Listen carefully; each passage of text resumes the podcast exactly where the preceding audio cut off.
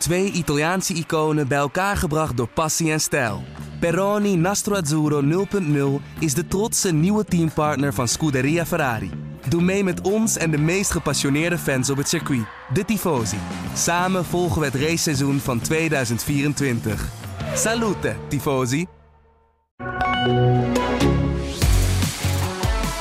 Ongewone fout van Red Bull verpest het weekend voor Verstappen. De wereldtitel wordt ook nog een weekje uitgesteld. Budgetcaps, het verhaal van het weekend. Welkom bij Pitstop, de Formule 1 podcast van het AD... waarin we eh, het weekend bespreken met onze watcher ter plaatse Arjan Schouten. Mijn naam is Etienne Verhoef. Is het inmiddels uh, weer gaan regenen in Singapore trouwens, Arjan, of niet? Nee, ik ben net uh, ja, onder droge omstandigheden terug naar mijn gelopen. Oh. Maar of het nou nat is of droog, je wordt vanzelf nat, hè? Dus uh, ja. Heb jij ooit dit soort... Hè? Heb je ooit dit soort regenbuien meegemaakt of niet? Nee, nee. Dat zeiden we allemaal tegen elkaar in die perszaal. Want het begon op een gegeven moment de hozen. Je zag het van ver aankomen. Het was een soort, uh, ja, van bijbelse proporties. Een soort bui, uh, zo'n uh, Twister. Heb je die film ooit gezien? Ja, ja, ja, zeker. ja, nou ja, de orkaan zat er niet achteraan, maar het had zomaar gekund. Man, man, man, wat een ellende. En het, het, het, het ging gieten en ik denk dat het, het, het, vijf kwartier aan één stuk ja, gegoten heeft zonder dat het ook maar enigszins afremde. Het was echt niet normaal. Ja. Nooit zoveel water gezien. Ik kreeg een filmpje doorgestuurd. Een collega van mij die is daar. Die was daar als eh, marshal aan het werk. Dat was zo'n programma van de FIA voor om meer vrouwen, meer diversiteit in de, in de pitstraat te krijgen en uh, bij die, bij die uh, race control. Ja. En uh, zij stuurde me, ze moest dus, ze wist al dat ze het laatste kwartier van de race waarschijnlijk niet zou halen, want dan moest ze terug naar het vliegveld om het vliegtuig te halen. Uh, was allemaal vrijwilligerswerk. Dus stuurde mij een filmpje, dus stuurde ik haar een appje met deze regen. Ga je natuurlijk nooit het einde van die race halen. zei ze, dat, dat vrees ik ook inderdaad, ja. Dus die heeft alleen de start gezien? Die heeft de start gezien. Ik denk een uurtje, anderhalf uur had ze race control op de oren. En uh, moest ze vlaggen daar waar nodig. Dat was nog wel nodig trouwens tijdens de wedstrijd. En toen uh, daarna was het op tijd weer weg en uh, terug naar het vliegveld. Nou, gelukkig niet zo ver vliegen, Singapore. Nee, gelukkig niet. Nee, dus dat scheelt. Wat okay. is, waar begint het verhaal van dit weekend? Op zaterdagavond, denk ik. Ja, bij de fout van, van Red Bull met uh, te weinig benzine in de auto. Ja, je mag het ook een blunder noemen hoor. We hebben het even gecheckt bij Max Verstappen. Mm -hmm. En uh, hij stemde er volledig mee in. Oké. Want uh, het is opmerkelijk dat een team dat nog geen enkele fout eigenlijk heeft gemaakt tot op heden dit seizoen, zo'n fout maakt in de kwalificatie. Uh, ja, of het nou een team was wat wel of geen fout had gemaakt. Het is gewoon een hele uh, atypische gekke fout. Uh, Verstappen zei ook, even voor de luisteraars hè, die het niet gezien hebben. hij moet op, uiteindelijk de kwalificatie verlaten.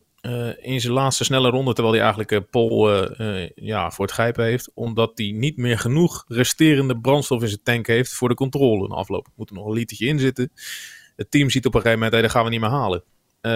Ja, dat heeft hij nog nooit meegemaakt in zijn carrière. Dat is een, uh, ja, een soort van amateurisme wat eigenlijk niet bij uh, de wereldkampioenen past. En uh, ja, daar was hij behoorlijk nijdig over. Ja, heb je hem lang gezien, zaterdagavond, of niet? Nou, hij maakte zijn rondje bij de media wel. Toen was hij al redelijk afgekoeld, want in de auto zat hij natuurlijk flink te vloeken. Wat ik denk ik in die situatie ook zou hebben gedaan, net als jij. Mm -hmm. maakte zijn rondje bij de media, maakte daar heel duidelijk zijn punt dat hij ja, hier behoorlijk van over de zijk was. En is vervolgens meteen van het circuit afgelopen. Heeft ze uh, ja, zijn teampraatje, de debrief niet, niet gedaan.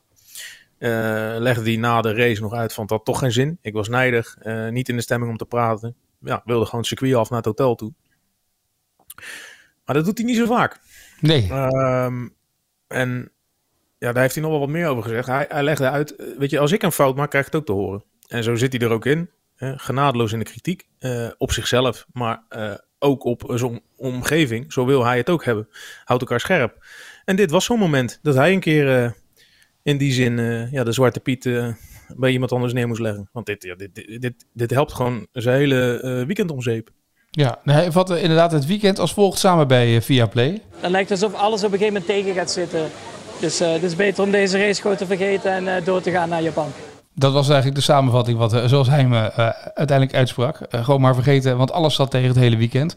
Even nog terug naar, naar die zaterdagavond. Die uitleg. Ja. Want uh, het was natuurlijk een rare situatie. Er was regen, het had geregend. Die baan die droogde langzaam op tijdens die kwalificatiesessies van, Q3, van Q1 naar Q3.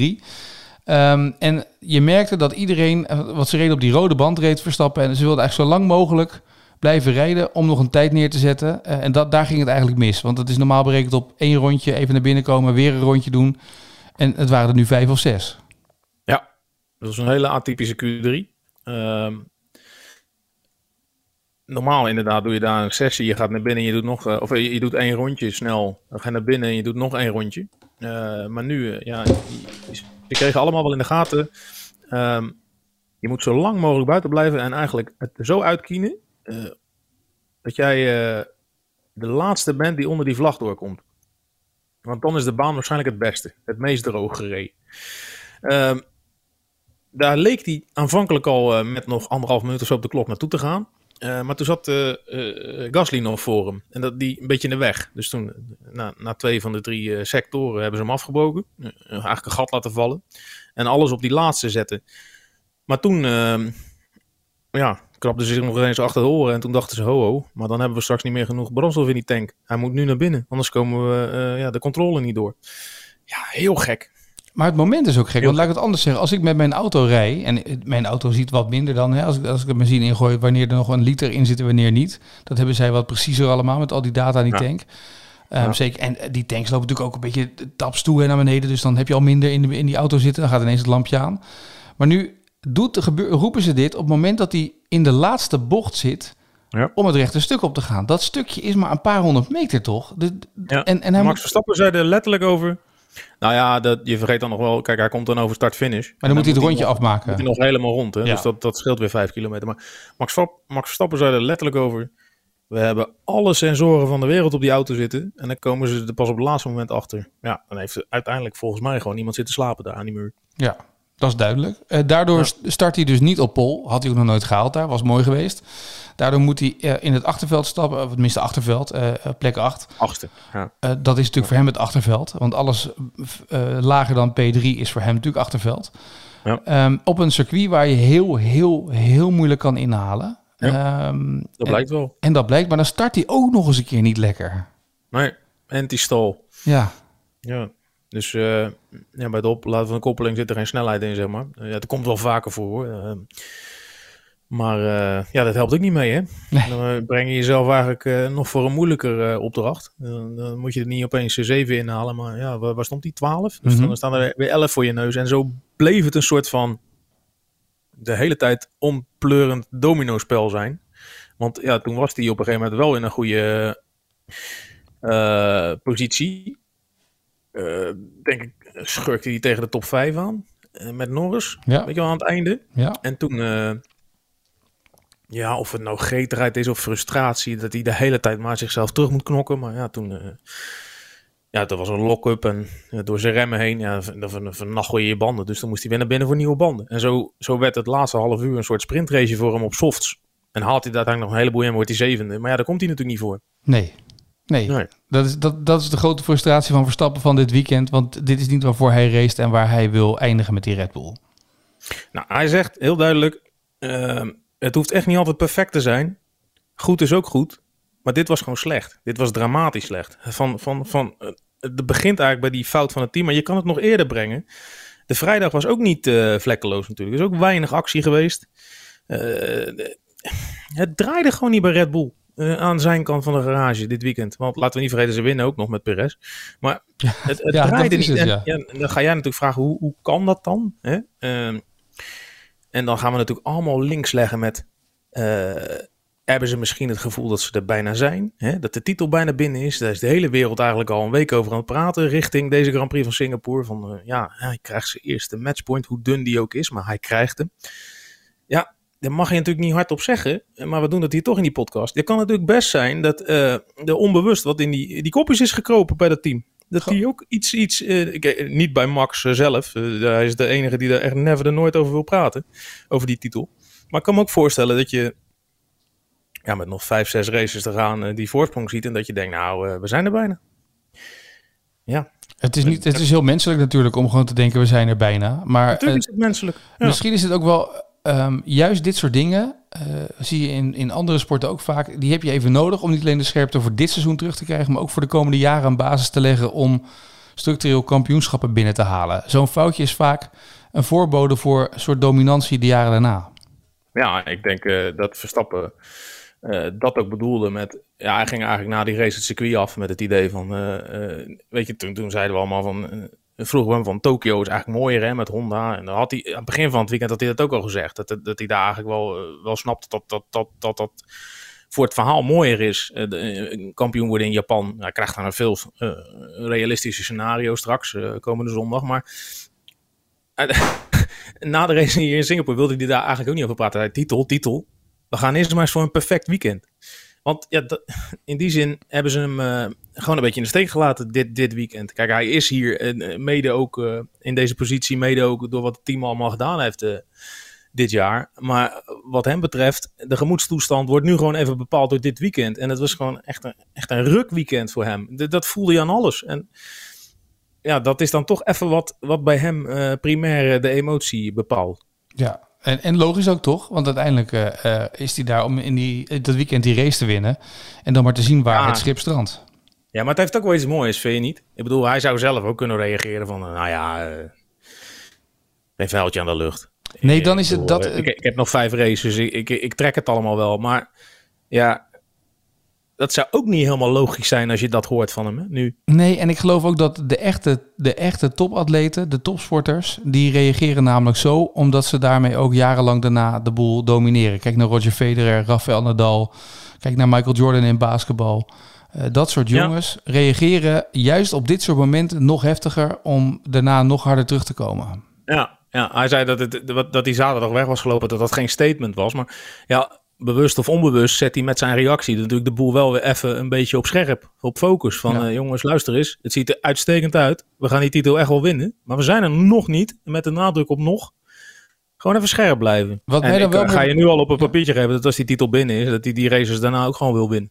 Want zo zit het, eh, eh, het beestje gewoon in elkaar. Ja, maar wat mij dan wel weer verbaast, als je dat dan zegt en, en dat eh, analyserend, waarom hij dan met Norris zo de fout in gaat. Weet je, dat je, je kan er ook kiezen op dat moment voor plek 5 te gaan. Weet je, want je weet dat, dat plek 4 het hoogst haalbare was waarschijnlijk.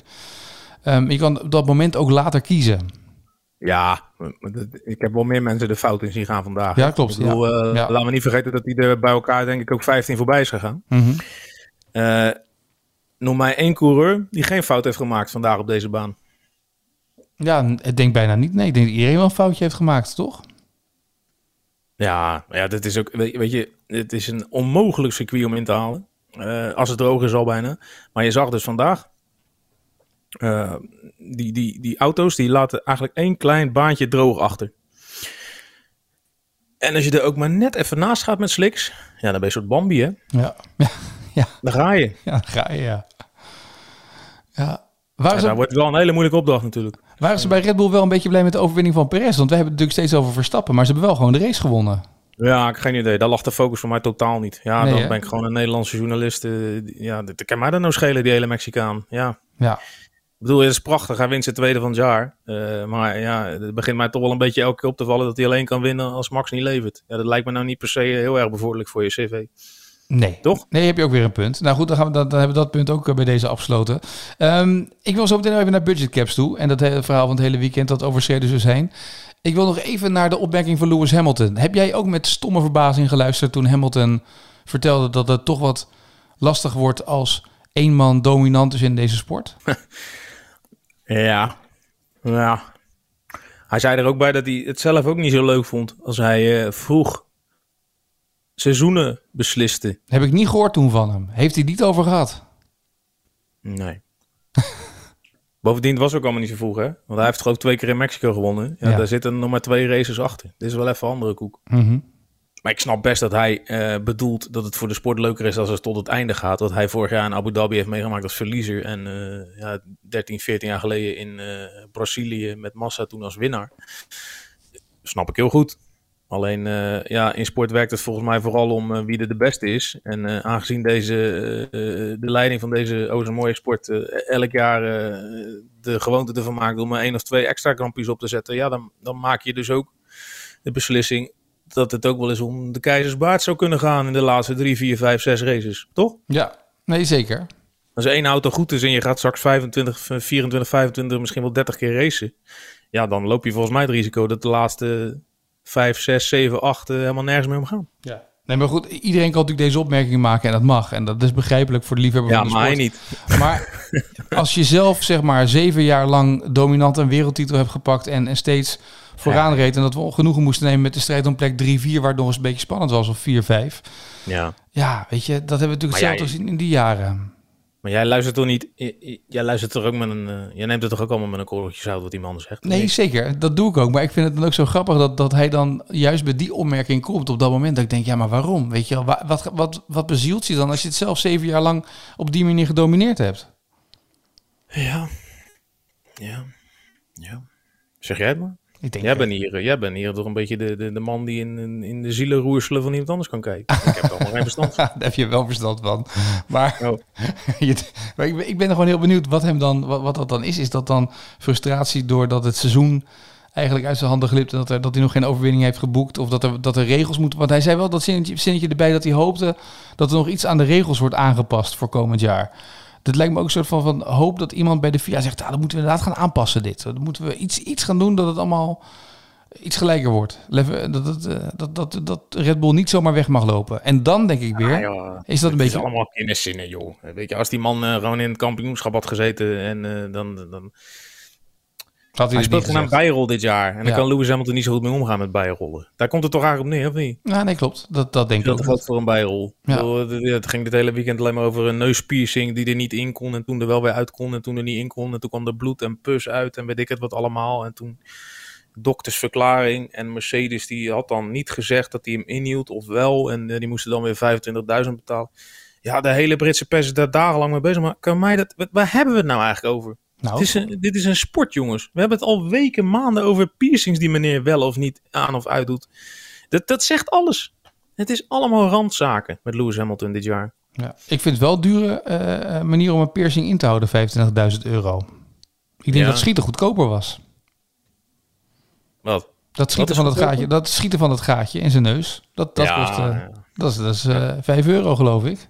Schijnt een heel bijzonder gaatje te zijn. Hè? Ja, dat blijkt wel. Als er, als er nog steeds allemaal pus en bloed uitkomt en dat 25.000 euro kost dat gaatje. Nee, maar het was een beetje ontstoken. Maar Ja, ja, weet je, ik kan me ook nog herinneren eerder dit jaar. Ja, daar moest ik wel om lachen. Toen mocht hij die horloge niet om en toen maakte hij zo'n statement. Toen kwam hij zo'n persconferentie in met aan zijn linkerpols 12 horloges, rechts 10, eh 30 kettingen om zijn nek, alle oren vol met oorbellen. En ik vind het prachtig hoor, maar dat meneer tijd heeft voor dit soort dingen geeft ook een beetje aan dat hij eh, eh, niet wint.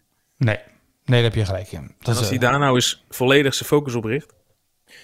Misschien doet hij het wel hoor. En eh, zit ik je allemaal onzin te verkondigen. Maar het interesseert me allemaal niet meer zoveel. Al die bijzaken van Lewis Hamilton. Het gaat het hele seizoen al helemaal nergens anders over. Ik word er een beetje moe van. nou ja, we krijgen nu een nieuw hoofdstuk in waar het over gaat. De budget caps. Ja, ja. Het is geen bijzaak trouwens. Nee, want eh, het, het drietal teams zou die budgetcap eh hebben overschreden afgelopen jaar. Nou ja, dan weet je dat Toto Wolff natuurlijk voor de microfoon verschijnt als ook maar ergens het verhaal gaat dat Red Bull dat heeft gedaan. Ja. Eh, wat is Heeft, hij jouw... overigens, heeft hij overigens niet één keer zelf in de mond genomen. Hè? Dat moeten we wel even gezegd hebben. Nee, klopt. Hij heeft alleen maar de, de verdenking neergelegd. Ja, ja. Maar hoe heb je, dit, hoe heb je daarnaar gekeken de afgelopen dagen? Uh, duidt het is voor ons. Nou, laat ik beginnen te zeggen dat ik hier op een gegeven moment wakker werd. Eh, laat, want ik hou hier het Europese ritme aan. Ehm, en toen was het bij jullie ook ochtend. Mhm. En eh, Maarten Dekker, onze collega die eh, sinds een paar jaar in Italië woont, die, die spelt altijd 's ochtends de Gazzetta. En als daar wat over Formule 1 in staat, dan, ja, dan heb ik dat heel snel in mijn app. En zo waar, er stond een gigantische story in, een spread breed, over ja, Red Bull in de problemen. Jaarrekening klopt niet, te veel uitgegeven. Eh, ik moest me even laten overtuigen, want ik dacht aanvankelijk eh, dat, dat het over dit jaar ging. eh, en, want ze, er ging hier ook al een verhaal dat ze de chassis niet meer gingen brengen. Dus ik dacht, nou, die zijn door hun geld heen, die, die kunnen niks meer uitgeven. Maar nee, het ging over vorig jaar.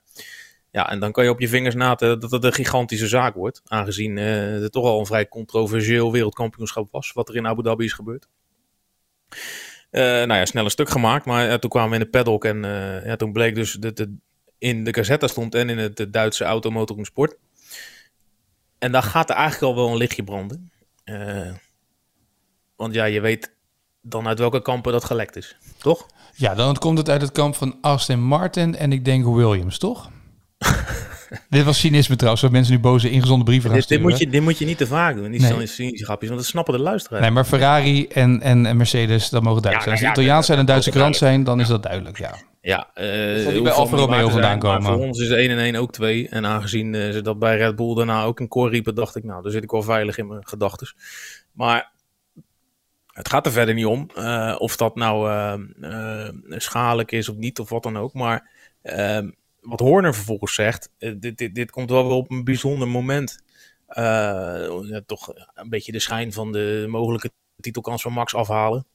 Heeft hij gelijk in overigens. En tegelijkertijd ook niet. Want als er echt stond aan de knikker is en die woensdag komt dat rapport naar buiten en Red Bull schijnt bizar extra te veel hebben uitgegeven, eh, dat dat echt klopt, ja dan, dan is het natuurlijk volledig terecht dat eh, eh, deze media outlets dat naar buiten hebben gebracht. Maar ja, die, je, ja dat is, dit is gewoon een verlenging van, van Abu Dhabi natuurlijk. Dus dat seizoen is nog steeds niet afgelopen, wat Nee. mij betreft.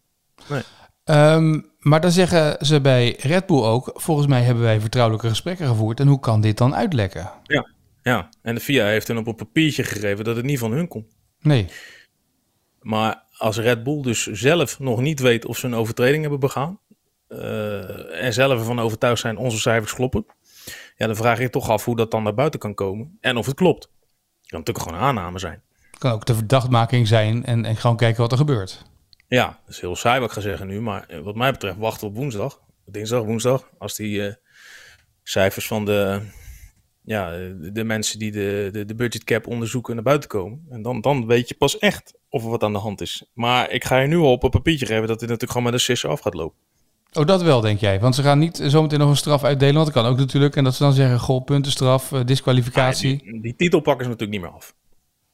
Toch? Nou ja, dat hoop ik niet. Want dan gaat er in Nederland ook veel teruggedraaid worden. Is hij geen sportman van het jaar meer? Weet je, dan moet dat allemaal met terugwerkende kracht. Moet dat dan toch weer Sven Kramer worden of zo? Ja.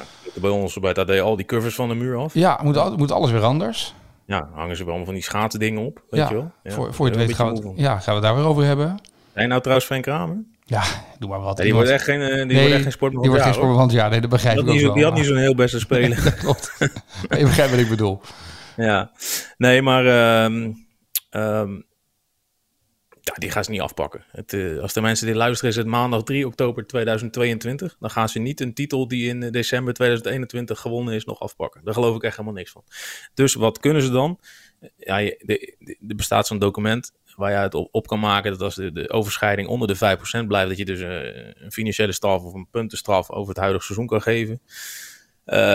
Boven de 5% staan er hele forse straffen tegenover. Hè, dan kan je dus wel iemand uit een kampioenschap nemen, dat soort dingen. Maar ja, hoe gaat het bij Ferrari altijd? Dan wordt het toch gewoon geschikt. Ja, want Ferrari heeft toen uiteindelijk geloof ik eh, moeten beloven dat ze nooit meer dat soort dingen doen. En dat ze dan eh, daarmee eh, hebben ze dat, dat strafje voor benzineproblemen toch afgekocht. Ja.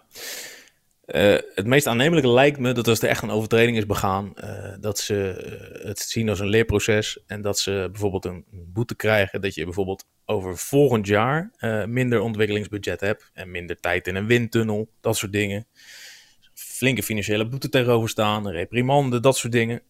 Maar ja, weet je, we moeten ook niet vergeten dat het de eerste keer is dat we met dat budgetcap werken, dat we over die budgetcap jarenlang hebben lopen discussiëren hoe hoog die mag zijn. Dus je kon aan je theewater aanvoelen dat iedereen die grens op ging zoeken. En ja, de, de rijke teams gaan er dan misschien net wat overheen. Zou trouwens ook ironisch zijn als, eh, als blijkt dat Lawrence Stroll, zo'n beetje de rijkste man van Ja. de Noordelijk Halfrond, te veel geld heeft uitgegeven. Ja, Ik bedoel, die, die man heeft, die, die kan niet eens te veel geld uitgeven aangezien hij eindeloos veel geld heeft. Maar ehm gaat het nu even niet om. nee, maar het zit eh, natuurlijk ook een beetje het lastige in dit soort dingen. Is, en hetzelfde geldt natuurlijk ook een beetje voor ehm, Mercedes. Die hebben natuurlijk motoren die ze leveren.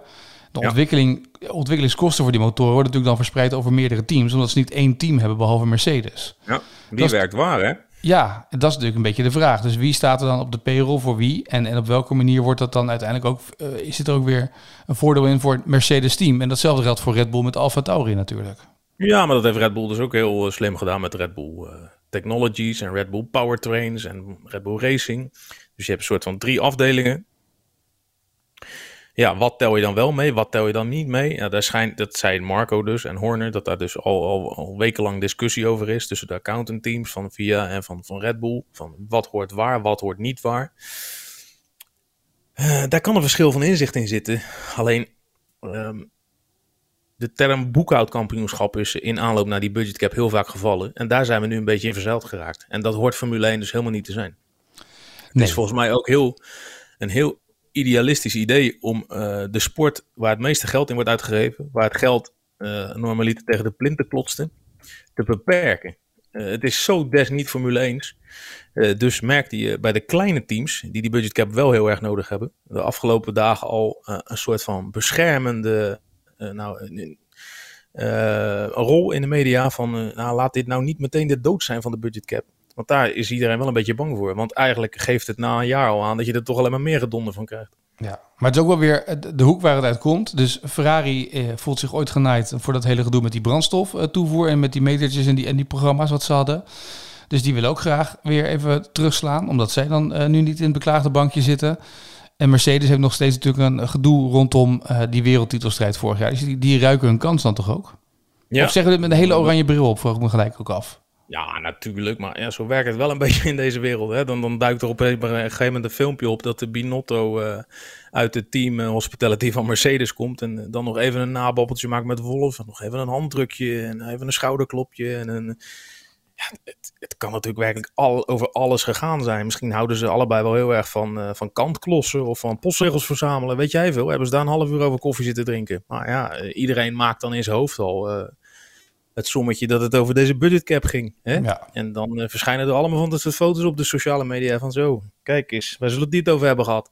ja, dat hoort ook allemaal een beetje bij Formule 1. Ja, want omdat het zo'n ondoorzichtelijke wereld is en een ondoorzichtige wereld is en we niet precies weten wat er dan speelt, uh, gebeuren dit soort dingen natuurlijk alleen maar meer. Ja, jij denkt toch niet dat wij die cijfers gaan zien? Nou, Echt niet. ik uh, dacht wel dat je daar een soort van quest van zou maken. Ik bedoel, je hebt ook ooit op de, op de coronavlucht gezeten. Ja. Dus weet je, je hebt wel een beetje naam hoog te houden, Schouten. Mm ja, ja, maar ik heb me erbij neergelegd dat uh, dit heel onderzicht blijft voor het grote publiek. En wij moeten allemaal maar aannemen dat dat goed gecontroleerd wordt. Uh, je kan je afvragen of dat, dat niet heel erg uh, gewoon door een onafhankelijk bureau moet worden gedaan. Oh ja, de, die kunnen dat heel goed. Dat heb je in Nederland ook gezien. Hè? Dat kost ook ja. een paar miljoen, maar dan heb je wel een onafhankelijk onderzoek. Ja. Ik, ik, ik moet eerlijk zeggen, ik was sowieso niet zo'n fan van die budgetcap. Uh, nooit geweest. Voor mij mag je hem gelijk weer afschaffen. Want ik vind het allemaal, het is heel erg... Voor de bühne. Ja, het is een vies woord, maar het is heel erg woke hè, om te doen van, we geven minder uit. Maar als je dan, weet je, dan maak je daar een verhaal over en dan blijken er dus al 26 uitzonderingen te zijn. Hè. Dat telt niet mee en de teambus telt niet mee en dat telt niet mee. En transportkosten zijn te hoog en benzinekosten.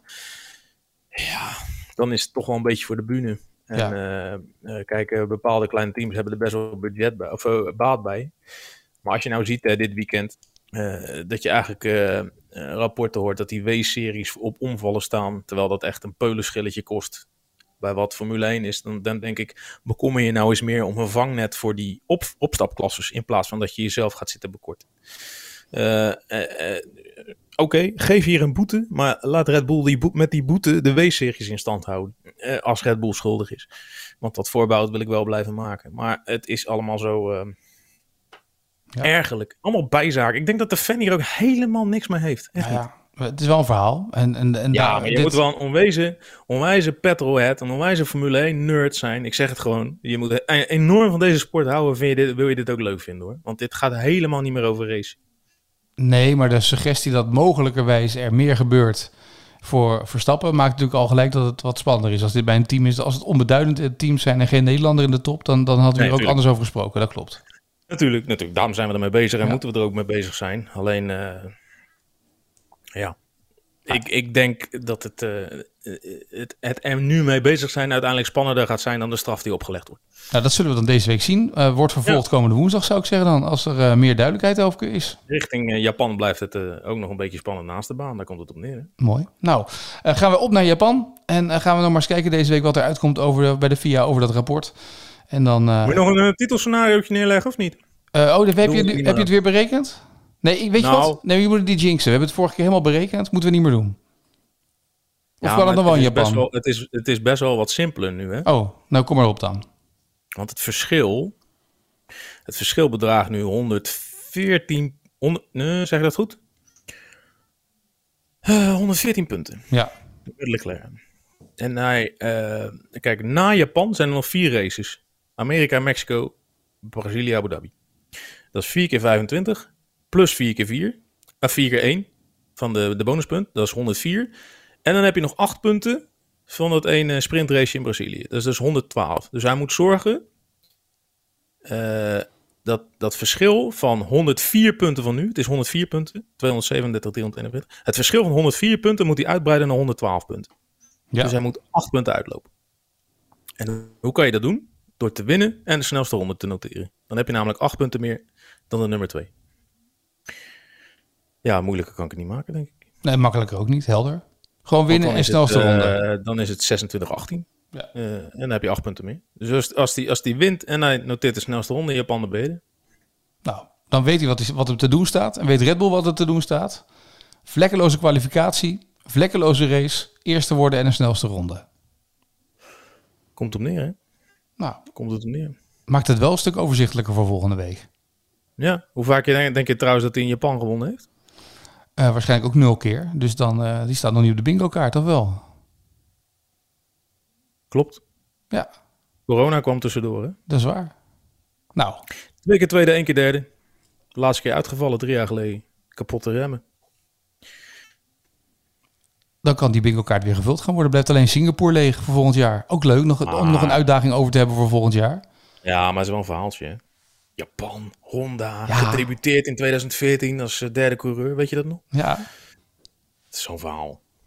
Daarom is het, moet het cirkeltje ook rondkomen. Dat past er helemaal bij. Oké, okay, nou, zondag dan hè? Zondag. Hebben we weer een wereldkampioen. Misschien tegen die tijd ook al uh, Nick de Vries rond. Zou ook zomaar kunnen. Zou mooi zijn. Je vanaf of ze bij Alpine uh, snel de persberichten regelen. Je weet het niet. Nee.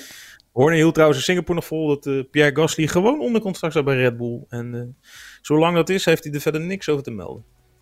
Ook knap. En toen hield hij stijf zijn lip op elkaar en vertelde hij verder niks. wat een wereld, wat een wereld zit ja, allemaal. Nou, wij gaan komende donderdag een nieuwe pitstop maken. Dan hebben we waarschijnlijk de uitslag van de FIA erbij. Gaan we daar maar eens over praten.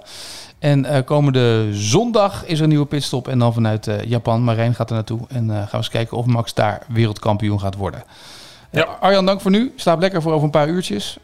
Als het hier al ochtend is. En dan spreken we elkaar volgende week. Yes, de groeten.